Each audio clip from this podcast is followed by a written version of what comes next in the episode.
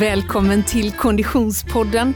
Vi är framme vid det sjunde avsnittet denna åttonde säsong. Och jag som pratar heter Frida Zetterström. Hej Oskar Olsson! Hej Frida! Hur är läget? Jo men det är strålande som solen säger. Ja, jösses min dag, vilka dagar vi har nu du! Ja, det är mm. bara att ta vara och suga in. Mm, hur mycket kliar det i eh, eh löparnerven på den något revbensstukade Oskar Olsson? Jo, men där kliar mycket. Eh, jag har faktiskt fått två solskenspass i helgen som jag är jättenöjd med. Ja. Så jag är igång och rör på mig sakta men säkert och springer. Mm. Eh, läkeprocessen går bra? Ja, det har varit lite upp och ner. Det blev väldigt bra, sen har jag fått lite bakslag men eh, oavsett de bakslagen så går det hela tiden åt rätt håll. Så mm. det känns bra. Det låter bra det, det låter bra det. Ja, det är eh, eh, fantastiska dagar för den som är eh, sugen på att komma igång med sin, eh, sin nästa, nästa sport om, den, om löpning nu står för dörren. Eh, och vi kommer ju faktiskt att återkomma till det eh, eh, inom kort i den här podden. Men dagens avsnitt håller sig till viss del kvar i fruset H2O.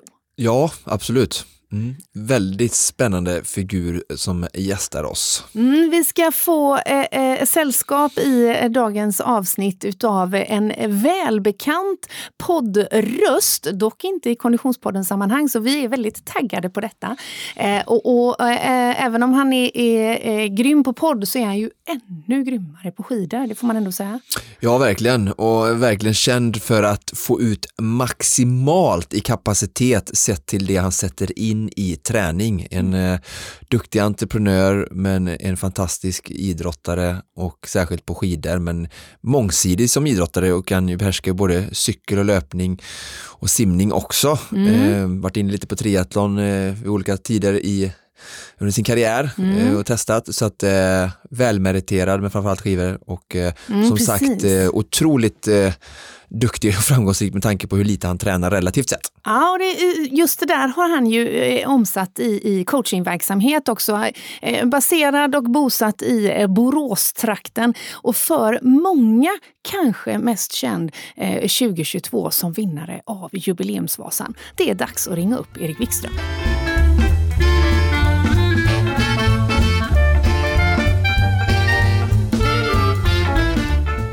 Är så himla glada att vi har med oss våran poddpartner Asics eh, genom den här säsongen. Och i förra veckan så pratade vi om en eh, nykomling i Asics Nimbus-familjen. Just det. Mm. Nimbus. Oskar, du har ju kört en uh, unboxing på den i veckan här. ja, ja, jag har uh, testat den också. Den var uh, lätt, 247 gram och den featuren som jag blev mest positivt chockad över var ju alltså den Alltså det kallas ju för sula, alltså det är inte konstigt men alltså sulan som är ovanpå foten där snörningen går runt, mm. den var liksom elastisk. Alltså sådär löjligt skönt elastisk. Jag har aldrig varit med om någon sko som har det och äh, det var så skönt. Bra! Ja, så det var en helt ny feature och jag måste erkänna villigt att jag är lite opåläst just om detta. Det kommer säkert komma på fler skor, kanske på andra konkurrenter också. Ja. Jag vet inte om det här är en ny grej inom skobranschen men Oavsett så var det ju en grymt ny feature. Bra där, okej. Okay. Eh, Nimbus 24 alltså. Är de väldigt svettiga, Oskar? Svettiga? Ja, vi skulle lotta ut dem ju. Just det. ja. Nej, de har nog blivit svettiga jag sprang lugnt. Ja, ja, det låter bra det. Ja, för visst är det så Niklas att vi eh, kommer att låta en Konditionspodden-lyssnare få springa i Asics Nimbus 24? Ja. Mm. kan hon heta vara... Frida? ja, ja, precis. Ja, men, nej, men bara man har samma storlek som Oskar. Just det. Nej. nej, jag skojar. Vi har fått ett par dojor i eh, valfri storlek att eh, lotta ut. Ja, bra. Så det tänkte vi att vi gör då. Ja, och då i sedvanlig ordning så skickar vi våra kära Konditionspodden-lyssnare till Instagram. Ja. Där det då i detta nu ska finnas ett inlägg där du kan tävla om ett par Asics Nimbus 24 alltså. Lycka till! Lycka till och tack så mycket Asics för att ni hänger med oss den här säsongen. Och med på länk hela vägen från skidmäckat Borås säger vi hej och välkommen till Konditionspodden Erik Wikström. Hej hej, tack så mycket! Visst är, sitter du i Borås i, i, i hemmamiljön eller? Jajamän, jag har ett kontor, i, jag bor i, i Sjömarken utanför Borås och så har jag ett kontor i grannbyn Sandared men eh, jag brukar sitta hemma faktiskt. Jag trivs med, så länge, så länge jag kan jobba ostört hemma så tycker jag det är ganska skönt. Mm, härligt. Och nu är det säkert många Konditionspodden-lyssnare som bara får så lite lite, som lyfter på öronlocket, håller jag på att säga, och säger den där rösten känner jag igen, men i en helt annan kontext. För du är ju en mycket eh, trogen poddare i en kollega i träningsbranschen till oss. Ja men precis, eh, lagom kondition som vi har haft i, ja det där med tidsperspektiv, kan det vara fy, fyra och ett halvt år tror jag? Oj, det lät länge när jag sa det. Ja precis, lagom kondition, vi pratar om framförallt längdskidåkning och löpning då, jag och, och Niklas Berg. Så mm. det, är, eh, det är väldigt roligt med, med podd liksom, man, man får tid att prata. Exakt så. Vi är väldigt glada att du tar dig tid att gästa den här podden eh, för att prata med våra poddlyssnare. Och så kan vi rekommendera Konditionspoddens lyssnare att också klicka in och lyssna på Lagom Konditions avsnitt. Inte minst om man är Vasaloppskonnässör, eller hur? Om man är Vasaloppsintresserad. Ja, men det tycker jag. Det är mycket skidor på vintern, så det får ni, det får ni gärna göra. Mm. Vi lämnar ju eh, Vasaloppet 2022 eh, precis bakom oss, men vi ska ju naturligtvis uppehålla oss en liten stund av det här samtalet kring eh, ditt deltagande i, under Vasaloppsveckan, eh, veckorna som har passerat. Men jag tänker att vi, vi, vi börjar med att backa bandet, Oskar, eller hur? Ja, var, var började Erik någonstans? Precis, var, var, eh, när fick du skidor på fötterna första gången, Erik? Oj, oj, här nu, nu backar vi långt här. Eh, jag är från Borås och eh, nu igår så var jag i, i Hästra-stugan på det årsmöte för jag skulle säga några ord där och eh, det var väl egentligen där det också började, Hästra-stugan. Jag, jag har någon bild på när jag åker skidor som, som femåring. Jag, jag har faktiskt ett, ett tidningsklipp, en resultatlista från när jag var jag tror det var fem år och jag blev tre av tre personer och det, på den tiden så står det ju etta, tvåa och trea och tidsangivelser även för klassen H3 och D3. Så man tog alltså tid på treåringar år eh, 1987. Så det är ganska intressant hur det har förändrats. ja, det känns ju som att just den delen, att inte längre ta tid på treåringar, är ju en ganska positiv utveckling för sporten. Eller vad, vad, vad säger du i den frågan? Eh, ja, det, det, det, är en, en stor fråga med, med många mm. vinklar, men jag kan ju tycka att en treåring inte behöver ha en tid utskriven i en dagstidning faktiskt. Nej, eh, nej men jag åkte skidor mycket. Mina föräldrar har alltid motionerat och, och, och varit aktiva och åkt massa Vasalopp, men det är ingen av dem som har varit elitskidåkare. Pappa har väl spelat tennis på ganska hög nivå, men liksom ingen har hållit på skidor som jag. Så jag, så jag åkte mycket skidor när jag var liten, men jag vet det var något år jag inte åkte skidor har mina föräldrar berättat för mig för att jag avskydde de hade vallat fel någon gång så det kom massa fäst, eh, så här, att det fastnade snö under skidorna. Så jag vägrade ha fästvalla tydligen och jag vägrade väl åka skidor överhuvudtaget något år och sen kom väl suget tillbaks. Okej, okay. ja men bra. Men det blev skidor, det blev din sport tidigt.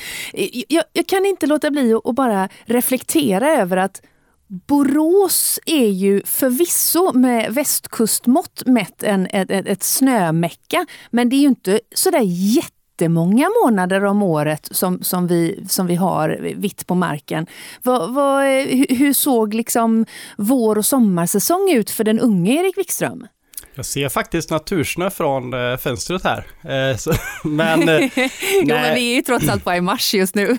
jag växte väl upp när vintrarna började bli dåliga. Jag är född 1982 och, och när, kanske på 70-talet och kanske början av 80-talet var det nog ganska bra vintrar och sen var det väl slutet av 80-talet och, och, och 90-talet då som då började bli började bli dåligt. Men nej, jag höll på med allt möjligt liksom. Eh, racketsporter och fotboll och, och liksom mm. jättemånga olika saker, orientering och, och, Men, så det var väl allt möjligt på sommaren, men på vintrarna minns jag att konsten kom ju lite när jag var liten. Eh, så det var ju många anläggningar som inte hade konstnö och då skottades det ofta ihop. Jag har många minnen från att man Det var en sträng snö som folk hade skottat ihop liksom. Och ramlade man så ramlade man ju i grus liksom. Så, eh, fostrande. Ja, det var, det, det, var fostrande. Sen kom det Ulricehamn var ju tidiga och sen sedermera även Borås då. Mm, mm. Okej, men så skidåkning, det var liksom no question about it. Det var, det, det var Nej, den vägen du skulle vandra? Ja, nej, det skulle jag nog inte säga. Jag höll på med ganska mycket idrott ganska länge. Det var när jag sökte inte ens till skidgymnasium. Eh, Men det var min kompis Linus Davidsson övertygade mig när jag hade gått färdigt ettan på gymnasiet så sa han du kan väl söka Ulricehamns skidgymnasium för de hade tagit bort riksintaget då precis så det var nationellt intag istället så typ alla som var intresserade kom in. Så ja, det var inte det att jag tränade så, mycket och, och, och så vidare men jag tyckte bara det var väldigt roligt med idrott och sen hade jag nog en Alltså båda mina föräldrar är akademiker så jag var väl invaggad på något sätt att det, man går i skolan liksom och idrott, det gör man för skojs skull. Det fanns liksom inte direkt några tankar på att bli världsmästare, det drömde jag aldrig om när jag var liten liksom. Man såg väl på skid-VM och så Torgny Mogre vinna 5 93 och sådär, men det var inte det att jag jag har nog egentligen aldrig drömt på det sätt många andra om att bli världsmästare eller olympisk mästare på skidor. Nej. Vad var det som drev dig då? Nej, men jag har väl det som en, både en tillgång och ett problem i hela mitt liv, att jag tycker många saker är väldigt kul. Och, och, eh, vilket gör att man engagerar sig i väldigt många olika grejer. Eh, nej, men jag tror jag drevs...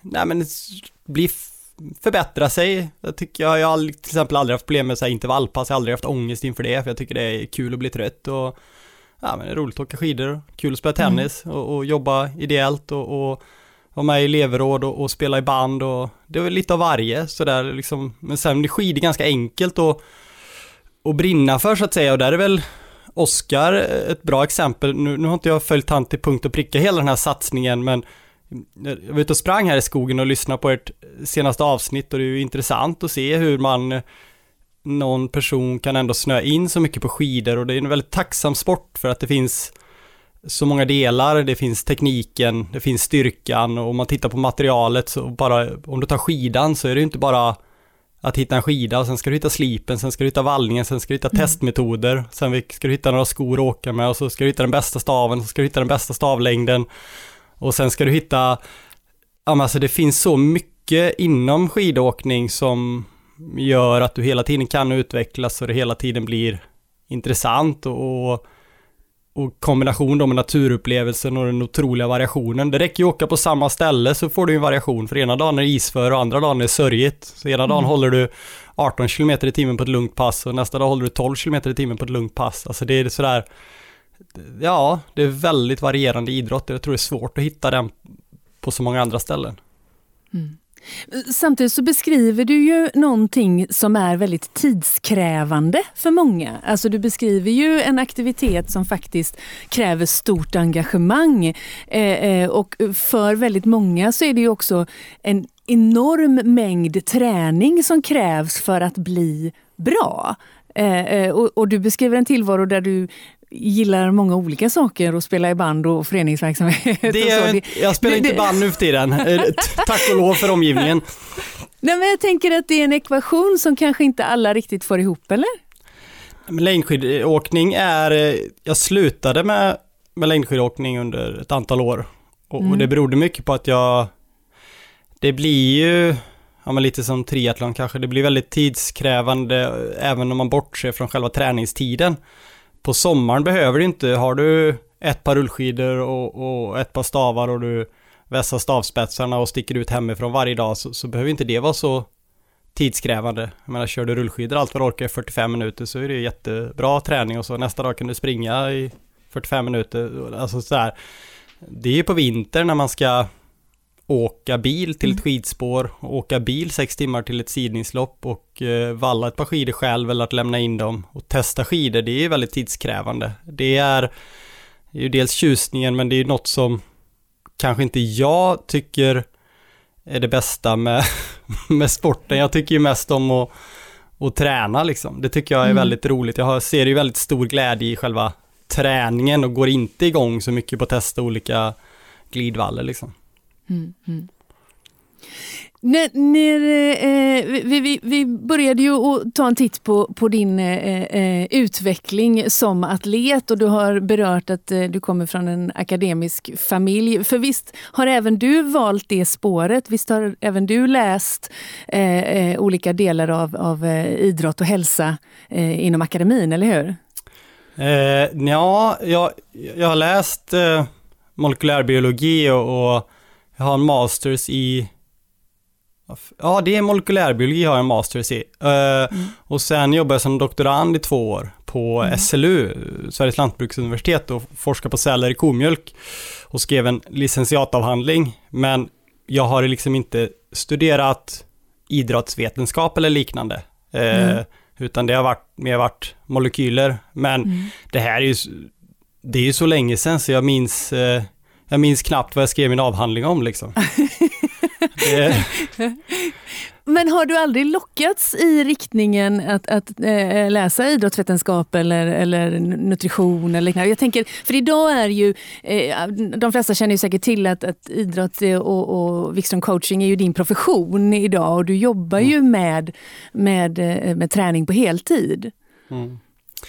Ja, precis. Nej, men alltså jag, jag har ju studerat väldigt mycket efter gymnasial. Jag menar, det var ju fyra år på universitet i USA och ett år på, på, på Göteborgs universitet och Chalmers och sen två år på SLU. Så jag har ju fått väldigt mycket utbildning efter gymnasiet och det är ju sju år och jag jobbar ju egentligen inte med någonting av det. Eh, men jag har ju fått med mig dels engelskan, kanske inte pratar så bra engelska, men jag har väl någon slags känsla för att skriva, eller hade jag åtminstone. Eh, och sen det vetenskapliga tänket många av dem i skidbranschen kommer ju från en kanske elitaktiv karriär där de ja, men pluggat på halvfart eh, och, och satt plant på våren för att finansiera sin skidsatsning och sen går ut i yrkeslivet och där kommer jag ju med en helt annan ingång. Att jag har mm.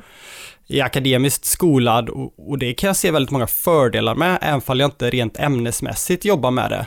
Att det är målmedvetna och, och, och strukturerade, i alla fall vissa delar blir väldigt strukturerade som jag tror har en fördel av. Men mm.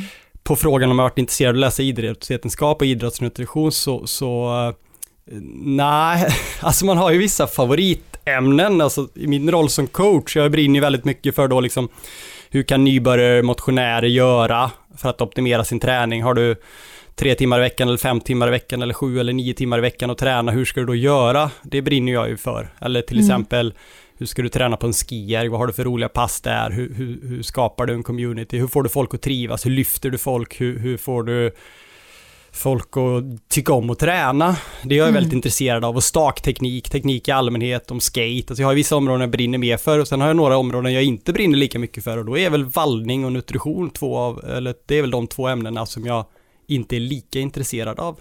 Mm. Mm. Ja, det har ju uppenbarligen funkat alldeles utmärkt utan, utan det. Men ta oss tillbaka lite till eh, din eh, ungdom. Hur fortsatte du? Alltså du har ju ändå varit 25 på Vasaloppet och du så slutade din liksom, historia eller liksom, om hur du blev skidåkare vid att du gillade att spela vet du, gitarr ibland och kombinerat med Ulricehamns skidgymnasium. Men vad har hänt däremellan liksom? Jag gick två år på skidgymnasium och då fick jag en väldigt fin utveckling då. Jag hade väl varit 45 på ungdoms-SM och sen när jag slutade i gymnasiet så blev jag 10 precis med en sekund marginal på, på tre milen då sista året. Så jag blev 10 på junior-SM som bäst och, och, det är väl bra men det är ju samtidigt oerhört många som är väldigt mycket bättre när man ska ta steget in i seniorlivet. Så då, nej det var hemma ett år och, och läste matte på Borås högskola och sen åkte jag till USA och pluggade i Alaska i fyra år. Mm. Så det var ju, man åkte ju skidor, jag åkte ju för laget där liksom, men det var ju fortfarande studier på heltid.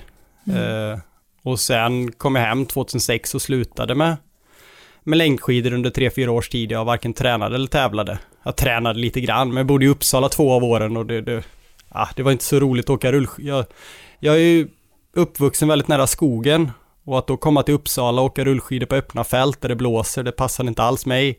Mm. Uh, heller. Men eh, jag kände mig klar då, som 24-åring 2006. Började springa och sprang ganska bra eh, då, men eh, sen började jag åka skidor igen 2010.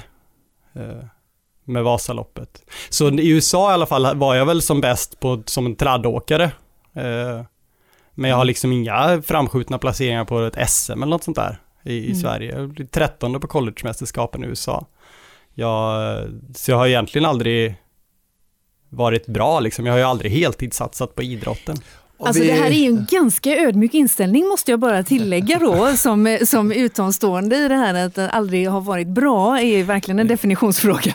Nej, Men, ja. Alltså, liksom, jag har ju liksom aldrig satsat heltid på idrott som många av mina skidkompisar ändå gjorde, liksom att man la ner sin själ i det och det kanske beror på att jag liksom aldrig haft, det har aldrig varit den typen av miljöer i, om man tittar i i USA var det ju liksom studier på heltid och när jag kom tillbaks till Borås var det ingen annan som satsade heltid där så jag har liksom aldrig riktigt levt i en så här elitskidåkarmiljö. Eh, Hade jag flyttat till Östersund eller Falun kanske jag hade gått den vägen, men, men det gjorde inte jag. Nej, nej. Men eh, vet du, det, är lite kul, jag som sagt, eh, du, vi nämnde ju det, bara berörde lite om mitt nya intresse för längdskidåkning eh, som har blivit, kommit till en ny nivå i, i brist på annat. Eh, men eh, din resa 2010 sa du, den började ju då efter med studierna och sen så 2014 så var du 25 som var ditt till dags datum bästa resultat. Hur såg, hur såg den resan ut från 2010 till 2014? Alltså i din, där du började bekanta dig med Vasaloppet och lära dig och vad, vad var nycklarna och hur såg det ut den resan? Nej men så när jag slutade då så började jag springa till jobbet 2006 och men lite fortare och fortare. Och sen slutade att man sprang i liksom i 3.55 fart på morgonen till jobbet. Och, och jag sp- sprang egentligen inte så himla mycket men jag sprang väldigt fort och kom ju med skidåkarkondition. Så den hösten så blev jag 12 i Lidingöloppet och gjorde 2.32 på maran i löpning. Så jag hade liksom jättefina för mig då löpresultat. Och så tänkte jag ja, men nu ska jag satsa på lite löpning. Men på den tiden fanns det ju inte riktigt samma kunskap och, och utbud. Eh, hade man idag varit 24 år och gjort en eh, 2.32 på maran så hade ju förmodligen någon tagit tag i en och sagt att gör så här eller ta de här skorna eller tänk så här men det, det fanns ju ingen liksom och man, ja, liksom, ja så blev jag ju skadad och kom egentligen aldrig ur det riktigt. Eh, så började det med andra grejer och cyklade mycket och sådär och så vidare. Men i oktober 2009 så körde jag ett ganska lustigt cykelpass, för då bodde jag i Uppsala, skulle, skulle hälsa på min frus släktingar på Märsön. Så tog jag en omväg på 17 mil och käkade, jag tror det var en kopp kaffe, ett glas vatten och två mackor på, på 17 mil och ingen sportdryck. Och liksom vinglade verkligen. Jag tror jag tog en genväg på, på, på motorvägen enda gången jag cyklat på motorväg, men det, det får vi, det får ni inte säga till någon. Eh, och sen eh, sluddrade jag och kom fram jag tror Ida fick hämta mig tre kilometer eh, liksom före jag kom fram, för jag sluddrade och var helt slut och så vidare. Men då på kvällen ringer Johan Kask och säger Hej Erik, vill du köra för, eh, det är en skid, gammal skidkompis, vill du köra Vasaloppet för Karlslund, min förening? Och då sa jag ja, det är kanske dags att börja åka Vasaloppet igen. Och då gjorde jag det. Jag åkte inte för den föreningen, men, men jag så jag började åka Vasaloppet, så, då- så var det en väldigt kort träning till 2010, så det året blev jag 133 i Vasaloppet, men sen började jag träna lite mer då. Mm. Så, ehm, Och sen hur gick det, hur såg, hur såg träna lite mer precis, hur, hur blev du hooked då som jag känner mig nu och sen så tänkte Ja. du ska jag verkligen träna och hur, hur, hur såg de åren ut kortfattat fram till 2014? Ja men det var fortfarande ganska varierat. Alltså jag körde, vet, jag körde Mount, jag jobb, jag, 2010 började jag jobba heltid då med coaching och träning och så, vilket jag gör än idag då. Så, jag, så, då blev det ju till exempel så, körde hela långloppscupen i mountainbike och för tidningen Cadence, numera Bicycling. Och jag gjorde något försök att göra Ironman i Kalmar men jag blev skadad så jag, men jag var anmäld så jag simmade och alltså jag tränade väldigt varierat men från 2011 till 2014, först blev jag ju 52 i Vasaloppet 2011, så bara genom att åka mycket skidor ett år hjälpte ju det. Då var det fortfarande med fäste, men det var fortfarande att man behövde bygga upp överkroppen och det tar ju ett år liksom. Så det, då åkte jag ju bra där, men vad kan jag träna till timmar? Det var ändå ganska mycket då, för det var innan jag fått barn, så det var säkert 500, kanske upp mot 600 timmar något år där. Men sen blev jag ju pappa för första gången 2012, så jag vet att 2014, det året jag blev 25 i Vasaloppet, tror jag tränade 490 timmar. Men jag blev liksom ganska allround och det 2014 då hade jag nog dragit ner på cyklingen ganska mycket så det var mycket löpning och skidor men det jag gjorde annorlunda mot Alltså det var ju då långloppen började, man började staka, teamen började ploppa upp, Ski Classics kom ju 2011. Eh, och det, jag hade ju vissa fördelar mot alla andra då, för på den tiden så var det ju traddåkare som skulle börja åka långlopp och den enda förändring de gjorde i träning det var ju att de stakade i princip. De fortsatte att köra korta stenhårda intervaller och långa lugna stakpass. Medan jag tänkte att ja, men Vasaloppet det går ut på att köra fyra timmar halvhårt. Det är det jag behöver träna på. Ehm, så ett träningspass jag började köra hösten 2013. Träningspasset heter ju då Fall of the 13. Det är mm. väldigt, väldigt enkelt, men det är att köra 90 minuter lugnt, eh, 75 minuter långloppsfart och 10 minuter allt man orkar och sen varva ner 5 minuter. Och ett väldigt simpelt pass, men stenhårt mentalt. Och det märker jag när man nu, nu har jag en coachinggrupp med, med framförallt generella program, men då när jag har skrivit individuella träningsprogram så har jag märkt att det är ett pass som många gärna undviker för att det är liksom det är alltid lätt att hitta ett ursäkt i det passet eftersom du, du ska ju åka 75 minuter långloppsfart solo och sen spurta efter det. Och det är ett väldigt svårt pass, för när du har åkt 75 minuter ganska hårt så är det inte alltid pulsen ökar de sista 10 minuterna, utan snarare tvärtom minskar, för du är så trött muskulärt. Men det som hände då under den här hösten, det var att jag lärde mig att långspurta de här 10 minuterna och blev väldigt duktig i den här långloppsfarten.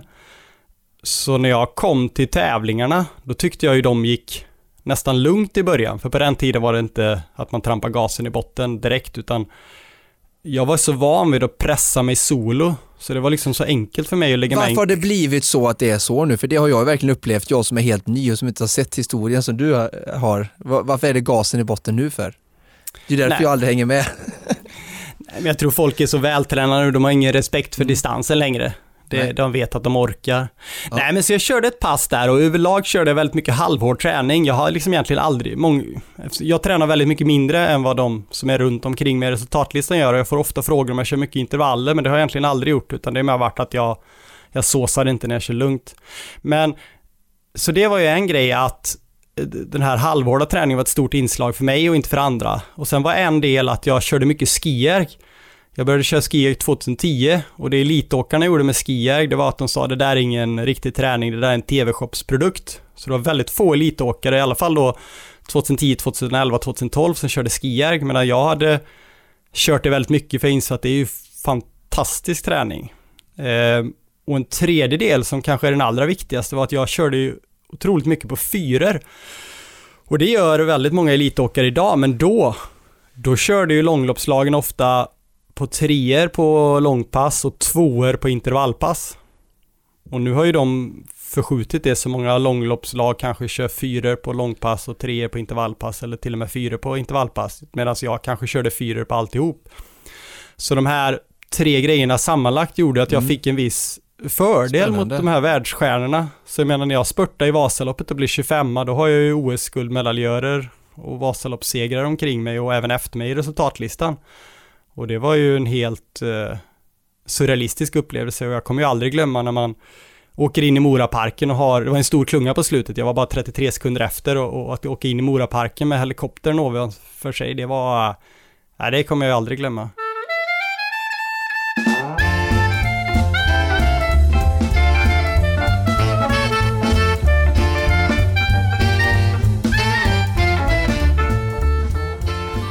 Tack säger vi också till vår poddpartner Odlo.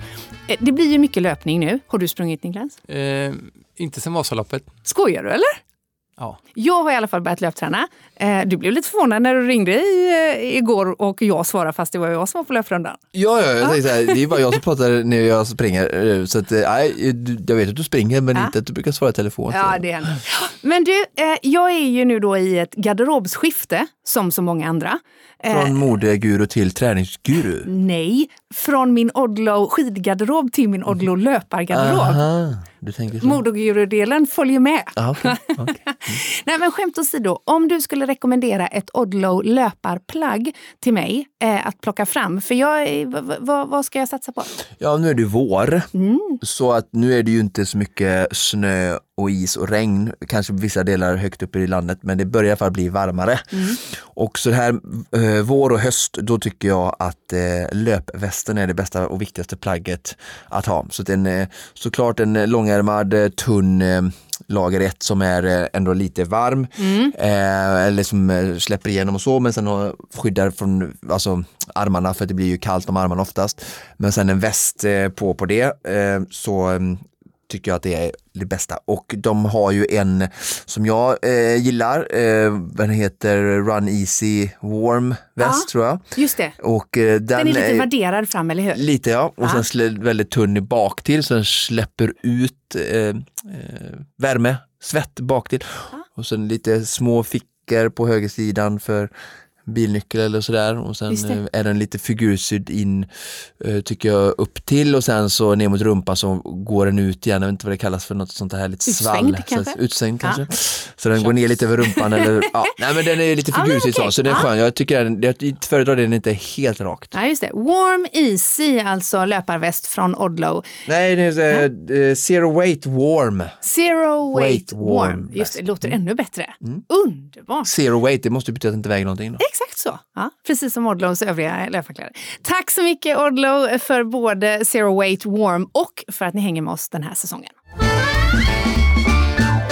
Det är så otroligt många intressanta eh, aspekter som, som dyker upp när du pratar Erik. Och, men en sak som, som jag funderar på är när du säger att alla runt omkring dig tänkte att det var en tv-shopsprodukt, men jag tänkte jag kör, jag satsar på att träna skijärg. Var kommer den övertygelsen ifrån? Och, och, och, för det är ju väldigt lätt för oss som kommer efter att följa någon som har gjort rätt, men att då välja en annan väg. Förstår du vad jag är ute efter? Nej men det var likadant med pälsskidan. Jag tror jag var den enda elitledsåkaren som åkte på den då 2010-2011. De skrattar ju åt den. Men nu åker ju alla elitledsåkare nästan på sådana då och då. Som träning ja. Ja, som träning. Ehm, nej, men gällande skijärgen så, så in, jag kom ju tidigt på det här med motstånd. Jag hade pratat med en kompis om det också. Tydligen finns det, det här har jag inte kollat upp själv, men tydligen finns det något som heter drögträning som de gör med hästar också, med motståndsträning. Men det här får, hoppas ingen googlar, för det har jag inte gjort själv.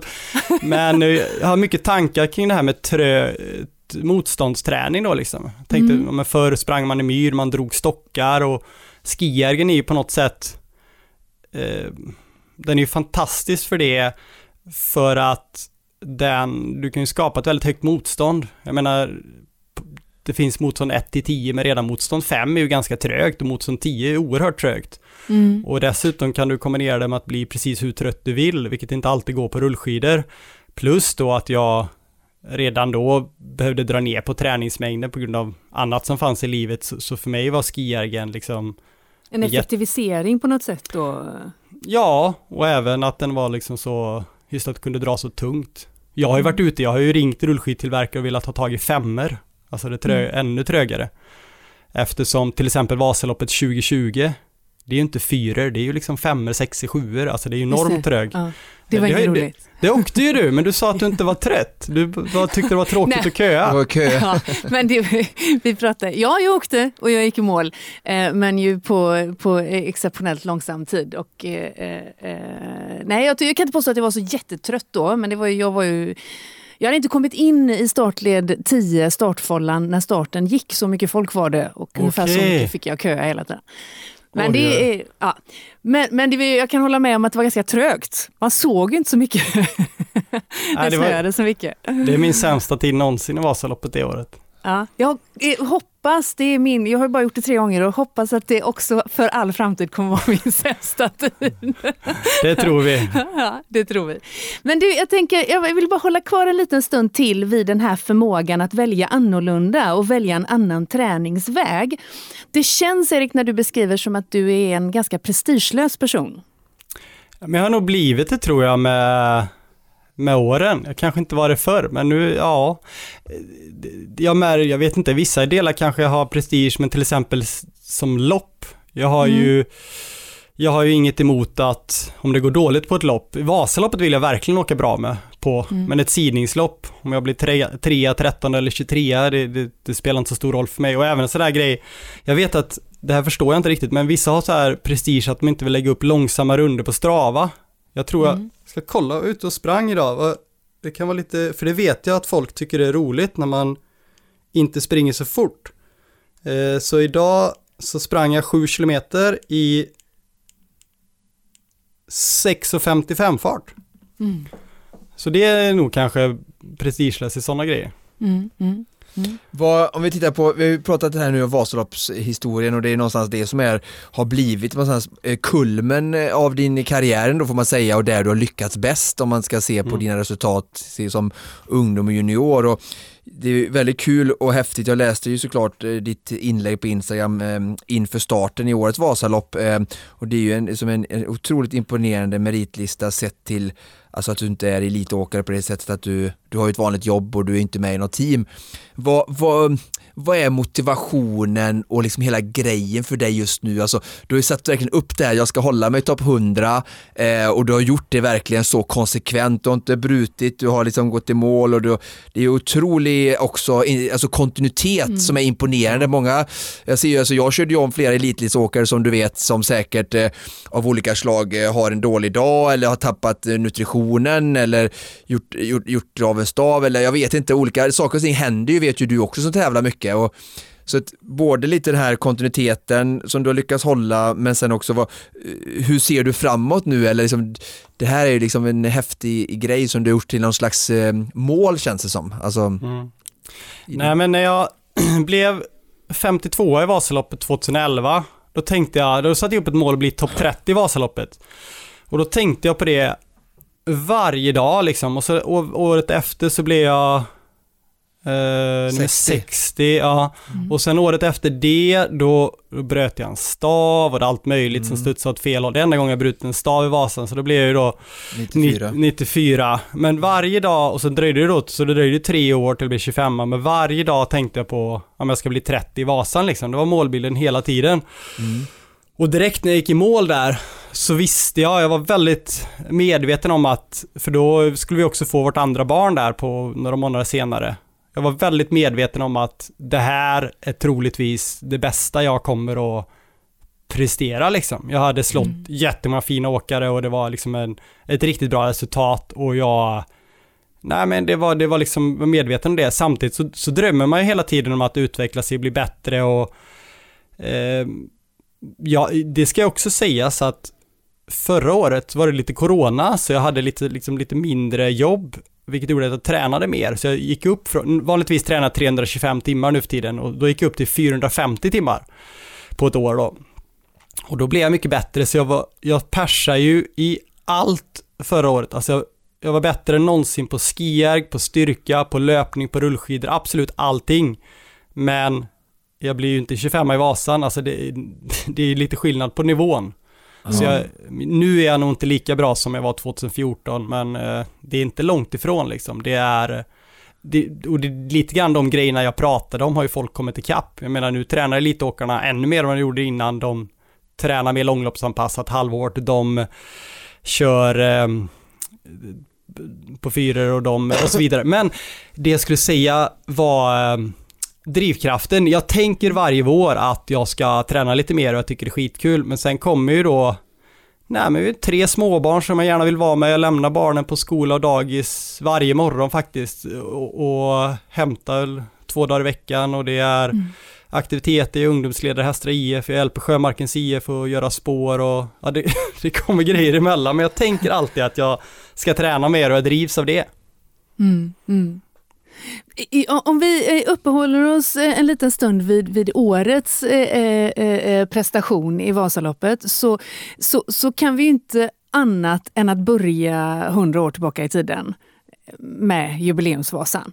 Vi, måste, vi, måste, vi säger grattis, säger vi ändå. Ja, stort grattis. Alltså, jag var med och såg det first hand och eh, första gången jag såg Erik, ja, jag såg ju, först såg jag ju en kilometer i starten, då låg eh, Erik tror jag femma, nej för du ledde då också Ja, ju, upp, just, ja. det ledde också då, med Södergren och de här bakom och sen till Smågan så var han helt solo när vi kom dit första kontrollen och han liksom kom upp på tårna i sin dubbelstakning, det, det såg oförskämt lätt ut. Eh, och det var ganska kul för att ingen hade egentligen någon bild av, alltså jag tror varken åkarna eller vi alltså både organisatören och Vasaloppet och sen all publik och liksom serviceteamet, hur det egentligen skulle Nej. bli detta. Det Vi, skulle vi hade liksom inte kunnat eh, Nej. fantisera, undrar hur det kommer att se ut, de kanske kommer gåendes i liksom arm, armkrok allihopa och sjunger We shall overcome där uppe på, på myrorna och tänker nu tar vi det här tillsammans. Men, eh, alltså, man visste ju inte hur det skulle bli en tävling, eller, men Erik kom ju där i ensam majestät och bara liksom, list- till och med liksom tog sig tiden att sluta staka och heja till folk. Liksom, så att det, ja, det såg ju såg ut som att du hade medvind hela vägen till Mora och du var ju aldrig hotad. Nej, det var, ja, An- Anders Södergren låg före mig i första backen. Just det. Mm. Sen åkte jag om han på myrarna innan Smågan där. Nej men det är ju en sån där dag du får eh, formmässigt nästan aldrig. Eh, Men det var, jag kände mig ju stark hela dagen och jag hade fint glid på skidorna. Kärran gled fint i kallsnön. Det var, nej men det var ju en otrolig upplevelse att få, ja men hela grejen och, och, och jag, jag vet att du har följt Thomas Ottosson på nära håll liksom hela den här Mm. att Mm. fixa de här skidorna och, och, och få, bara få stå på startlinjen är ju kul och sen då i mitt fall att komma först, det var ju, ja det var helt otroligt. Men var det självklart, Erik, för dig att anta utmaningen? Eh, ja, det var Ja. det. Ja, du, är ju, du har ju blivit en Vasaloppsikon med både ditt arbete och med din otroliga meritlista. Eh, känns ju som. Ja. Så att, Ja, men jag var chefredaktör för Vasalöparen i nio år. Och, Mm. och, så jag känner ju organisationen väldigt väl och det, det var ju, nej men det, och jag har ju sprungit Ultravasan två gånger och cyklat Cykelvasan två gånger och gått Vasaloppsleden och så, så liksom, eh, det, det, ja men det kändes, Dricker kändes blå, blåbärssoppa varje dag? Eh, nej det, däremot, nej. Men man noterar ju klockan 19.22 varje kväll, det, då kollar man ju på, när man, när man står där på klockan så tänker man alltid på Vasaloppet liksom. Mm. 1922. Mm. Så... eh, gör, inte, gör inte ni det? Jag fattar först inte vad han menar. Nej, det har jag aldrig gjort. Eh, nej, så det, var, så det var det jag var i, i klubbstugan igår och fick prata lite om det. Vi hade en annan tjej där, Johanna Sundström med från klubben, så vi fick berätta om det lite och jag ska ha någon kortare föreläsning nästa vecka. Så det, men det är ju vilken reaktion det har blivit från det liksom. Det Mm. var, när man är på något barnkalas och föräldrar man inte ens känner igen kommer fram och, och vill gratulera och prata om jubileumsvasan och, och, och dagispedagogerna liksom vill prata. Alltså det är ett otroligt intresse verkligen och, och det är jättekul och att Ja. det blev som grej. Hur- vad blev din slut, vad blev segertiden på jubileumsvasan? 6.57. 6.57. Går det att liksom summera och förklara hur mycket jobbigare det faktiskt är att åka under jubileumsvasan förutsättningar med den sortens utrustning? Kontra det du gjorde när du åkte du gjorde. 350. Precis. Nej men eh, jag åkte ju tränade på blöt konstnär här hemma och, Mm. och, och käran slits bort på nolltid på, på konstnö och går väldigt, Ja. väldigt trögt. Så att de träningspassen jag hade gjort här innan gick otroligt trögt. Så, det, så sen när jag kom upp och åkte en sväng på myrarna dagen innan så kände jag wow, det här går ju superlätt liksom. Så Mm. eh, mitt snabbaste pass tror jag var mitt snabbaste träningspass var 12,3 km i timmen och, och jubileumsvasan åkte jag då 95 km i 13,6 tror Mm, jag, kilometer i mm, timmen. Så jag åkte ju mycket snabbare i 9,5 mil än vad jag hade gjort på korta turer hemma. Så att för Du mig... ser, trögheten eh, hjälpte dig igen, återigen. Precis, det är det. Det var ju, Tröghetsprincipen alla Wikström. exakt. Det är inte så många som efter avslutad jubileumsvasan säger gud det här går ju skitlätt. Nej men det var, och sen är det ju klart att man får ju mycket energi när man ligger först i spåret och, Mm. och äh, det, det var ju en jättegrej och, och äh, jag tror det inte, jag har ju fått egentligen liksom så här två riktiga idrott, eller jag har fått några riktiga egoboostar vid mitt idrottande tidigare. En gång har jag åkt skidor i, i 24 timmar och var, då, nu är det folk som har åkt längre, men då var jag den som åkt längst i världen och, och liksom att få en sån respons, det är väldigt tacksamt, folk som bryr Mm. sig och tackar och nu, nu fick jag vara med om en sån grej en gång till och, och, och, och att folk tycker det är roligt när det går bra för en, det är, det är ju liksom det är jättekul och för mig att få uppleva hela grejen var väldigt minnesvärt. Mm, mm. Ja, det är som sagt stort grattis alltså, det är fantastiskt. tack. Men sen skulle du ju då eh, ladda om för att inte bryta sviten utav det Topp traditionella Vasaloppet Topp 100. Som ju, alltså det är- snyter man inte ur armvecket, tänker jag. Inte ens om man heter Erik Wikström. Nej, och då kom Hur han var som- den? Ja. Kom, nej, det var ju... Så då efter jubileumsfasen hade vi sportlov i Åre, så det blev inte så mycket träning, och mest snowboard och alpint då. Med i, ba i, i backen med barnen. Men så, så åkte jag i alla fall Borås Ski Marathon då, två veckor före Vasaloppet.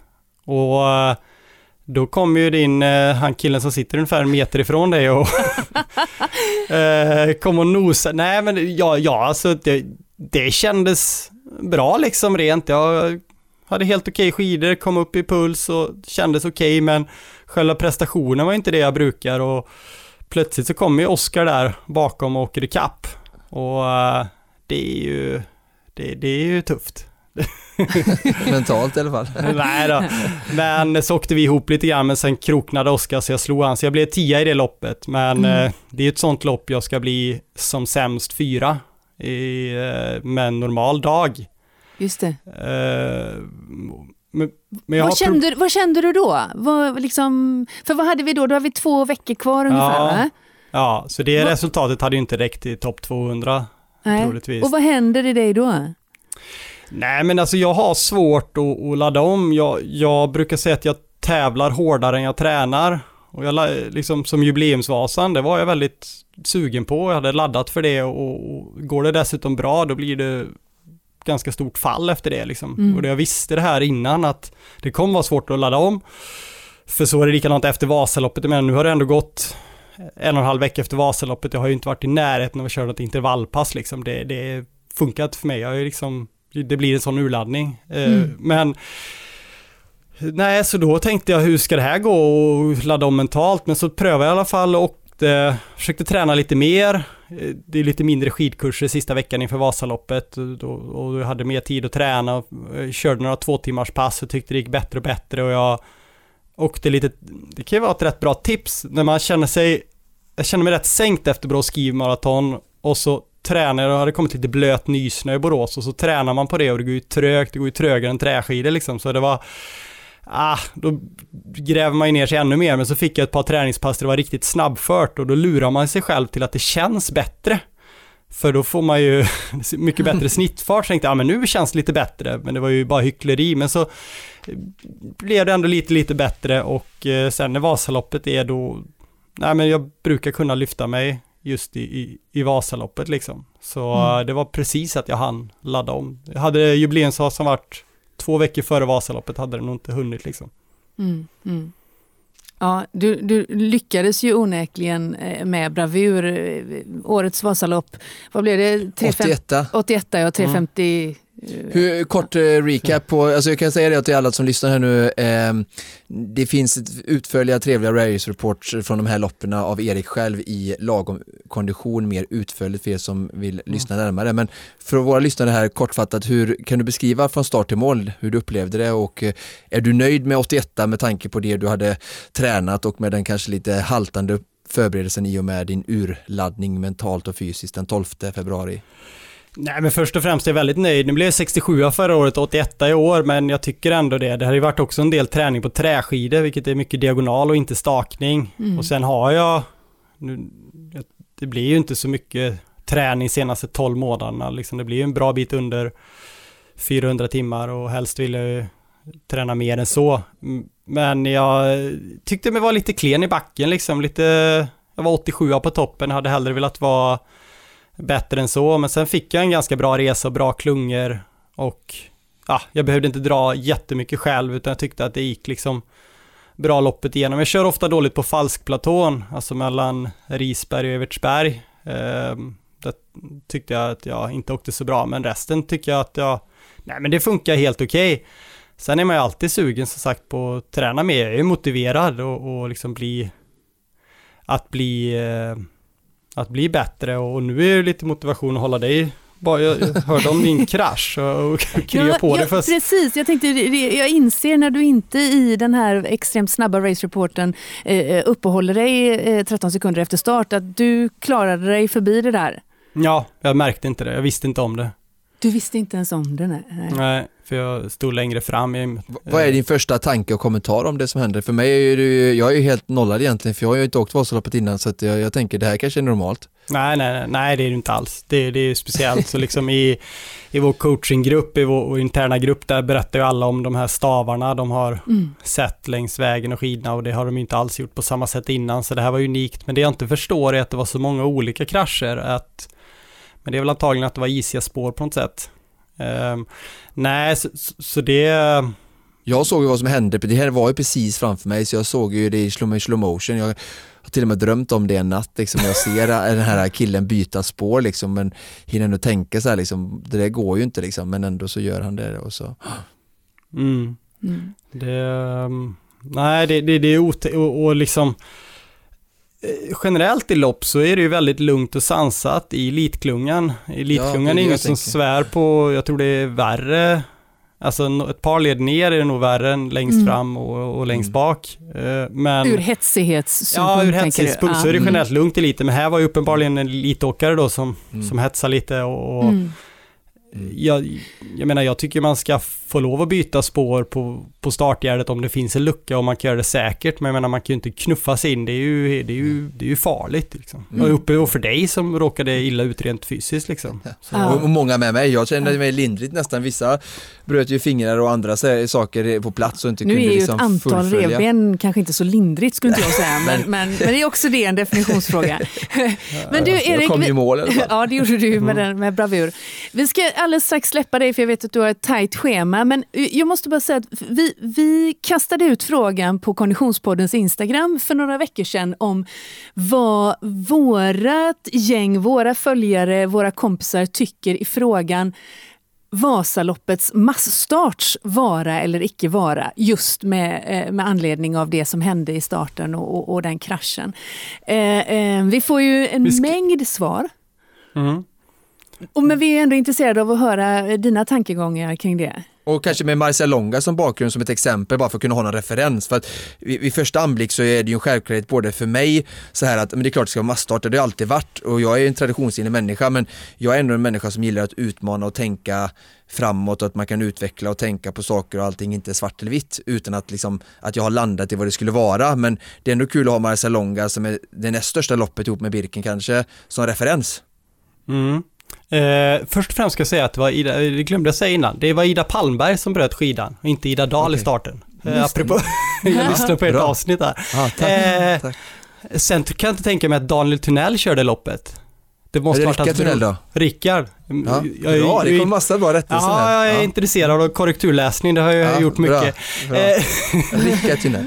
eh, men i alla fall, eh, eh, jag tycker definitivt att man ska ha massstarten som den är, eh, trots krascher och trots eh, logistikhaveri. Eh, Solklart. Däremot Mm. att en individuell damstart för eliten, det kan väl damerna själva få bestämma kanske, men Mm. jag skulle, att släppa iväg eh, 30 eller 50 eller 20 damer först, det, det skulle Mm. jag absolut kunna tänka mig, men annars så eh, helt klart en masstart. Vad, Alla vad skulle dagar. vara nackdelen med att lägga eh, en minut mellan varje startled eller någon liknande typ av lösning? Vad, vad skulle hända med Vasaloppet då?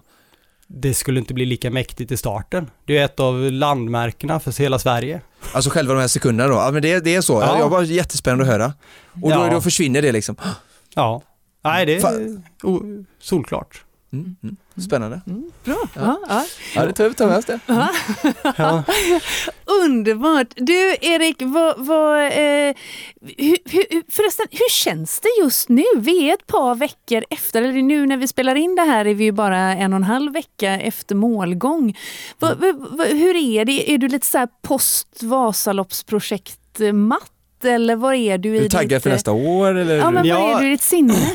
Nej, men jag försöker att ta det, ja men, eh, ta inte träna så mycket nu eller liksom att man tar igen sig lite nu. Jag har ju varit borta en del från familjen under vintern och att man Mm. tar det som det kommer. Men det jag vill göra är att komma igång med löpning. Jag är ganska dålig på att underhålla den under vintern. Så jag springer en liten sväng varje dag och så har jag några lektioner. Det är inte så mycket nu men då ändå rör på sig. Och jag tänker jag tar två veckor lugnt nu och sen är det att stegra träningen och Nej, jag är supertaggad liksom och, och, och kul också med Oskar att han kör en Vasaloppssatsning så han får komma till Borås så får vi visa han Bredaredsrundan här. Gud, Mer än gärna. Eh, eh, ja, Jag vill bli, jag vill bli vet du, riktigt omtumlad och förnedrad på alla träningspass som bara går att hitta. Det, det, det går bra. Eh, mm.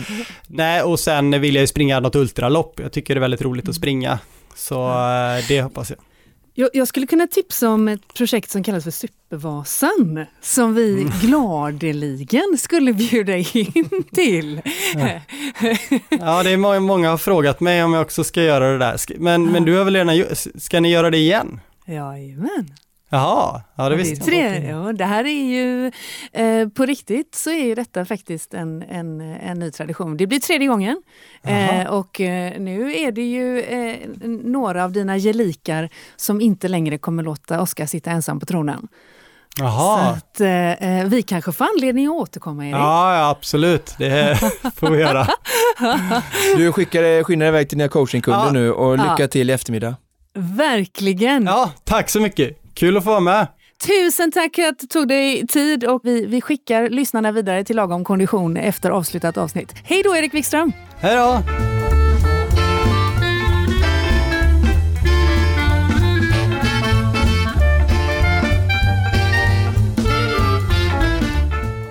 Ja, det är inte utan att man eh, eh, får med sig en viss längtan till nästa skidsäsong när man hör Erik prata. Nej, det är svårt att inte bli inspirerad av Erik. Så han har ju stor kärlek eh, till eh, längdskidåkningen. Ja, men verkligen. Och han har verkligen en förmåga att eh, eh väldigt ödmjukt inspirera, måste jag säga. Det och dela med sig väldigt generöst. Han ja. pratar om sina tips med, hur, med motstånd och träningssätt som han applicerade tidigt som sen många apade efter och sådär så att han är ju ingen alls som, som eh, håller undan någonting utan väldigt ärligt och ödmjukt öppet pratar om eh, sin erfarenhet som han har fått genom många år av gedigen mm. träning och tävlande. Mm, ja men verkligen. Och också precis som du sa i, i, inledningen där att han, han har ju en förmåga att få utväxling på eh, eh, eh mindre antal timmar kanske i, i, sett i relation till många av hans kollegor. Ja verkligen, 350-400 timmar per år det är ju väldigt lite om du kollar på de, de bästa inom Vasaloppet och han är ju ändå skrämmande nära den, den absoluta toppen. Världselit ska vi veta är det som ställer sig på, på startlinjen Precis. och bara senaste nu i helgen så när jag kollar på Birken så är sådana som då Jens, Jens Burman som mm. är världselit och landslagsåkare får ju liksom stor stryk av de här långloppsåkarna så att vi ska ju veta att det är verkligen världselit som han som, som, som alla ställer sig mot när de ställer sig på Vasaloppet och han är ju förhållandevis nära dem. Ja, verkligen. Jag, jag, reflekterar när han pratar om att han refererar hela tiden till, eller inte hela tiden, men han refererar ofta till träningsmängd i timmar på ett år. Mm. Det är för mig ett begrepp som jag inte helt eh, liksom slänger mig med till vardags. Nej, Nej men det är, det är ju, inom träningsvärlden så är det vida känt och någonting som alltid, som brukar prata om mellan 800 och 1000 timmar för elit eh, aktiva i olika, i de som, alltså väldigt eh, högintensiva eller konditionsbaserade ja. idrotterna och sen så är det ju många som har testat upp mot 1200-1300 som Martin Jonsson Sundby. Jag, vet det, jag, kan, jag har, inte lite koll på många timmar just nu Nils van der Poel eh, hade nu senaste året men jag kan tänka mig också att det är lite sådana här extrema mängder. Och då blir det ju verkligen sett i relation då till att hans timmar, utväxlingen är ju enorm för honom. Ja, verkligen. Och, och sen kan det väl säkert vara så att den här expansionella kurvan, alltså att den, den, du får inte lika mycket pang för pengarna ju mer du, alltså för att få de här sista procenten som kanske krävs för att vinna ett OS-guld eller VM-guld, kanske är 300 timmar, men skillnaden mellan 300 och, 300, äh, och 50 timmar är, är, ju väldigt stor. Så att skillnaderna blir nog större ju högre upp du kommer, men oavsett det så är det ändå imponerande att se hur han verkligen eh, får ut maximalt av, av eh, så Vad ligger du på? Lite. Bra fråga. Jag har inte räknat det så mycket men jag kan tänka mig mellan 600 och 800 då. Ja, just det. Mm, mm. Beroende på jobb och ja, just det. familjeliv. Mm, ja, ja, men intressant att höra honom verkligen. Jag tycker också att eh, det var väldigt inspirerande och, och, och, fascinerande att höra hans syn på när han till exempel då hade testat stakmaskin före många av hans eh, eh ja, men, kollegor. Eh, som någonting som, som förkastades utav eh, eh, hans liksom, konkurrenter och som träningsform. Och, och jag är, blir inspirerad i vad som ändå krävs att våga lägga då eh, sina träningstimmar på någonting annat. Ja. Eh, för att man faktiskt tror på det ur ett eh, vetenskapligt perspektiv eller ur ett erfarenhetsperspektiv men inte följa strömmen. Och det är väl det är väl också någonting som är karaktäristiskt för Eriks personlighet, att han verkligen vågar testa nya saker. Jag kommer yeah. bara i kontakt med honom lite i och med jubileumsvasan, alltså att han går sin väg och, och vågar testa sina saker så att, och är väldigt trygg i sig själv och prestigelös. Så att det har väl också varit en del av framgångsfaktorn att han har just har vågat testa helt nya saker då som, som folk först har ställt sig frågan till men sen kanske fått villigt erkänna att det var nog inte så dumt, ja, det. Eh, Erik. Um, så att eh, det är väl också en, eh, det tror jag är så, det är ju signifikant med Vanderpool också, Nils, bara för att ta en sån i närtid eh, slående likhet Gigant, just att, ja, och mm. att han, han gjorde också, har ju verkligen gjort helt tvärt emot av vad det, det nederländska landslaget har, har gjort i sin träning, mm. som har varit en ledande nation länge i, i skridskor. Så att det, eh, det är häftigt att se banbrytande atleter våga bryta nya vägar och ny ja. mark och för att uh, utvecklingen ska gå framåt. Ja, verkligen inspirerande. Eh, eh, kul att eh, Erik gästade oss i detta avsnitt. Men det här kära Konditionspodden-lyssnare, var allt vi hade att bjuda på för denna vecka. Precis som vanligt produceras Konditionspodden av Fredag. Connect Brands with People.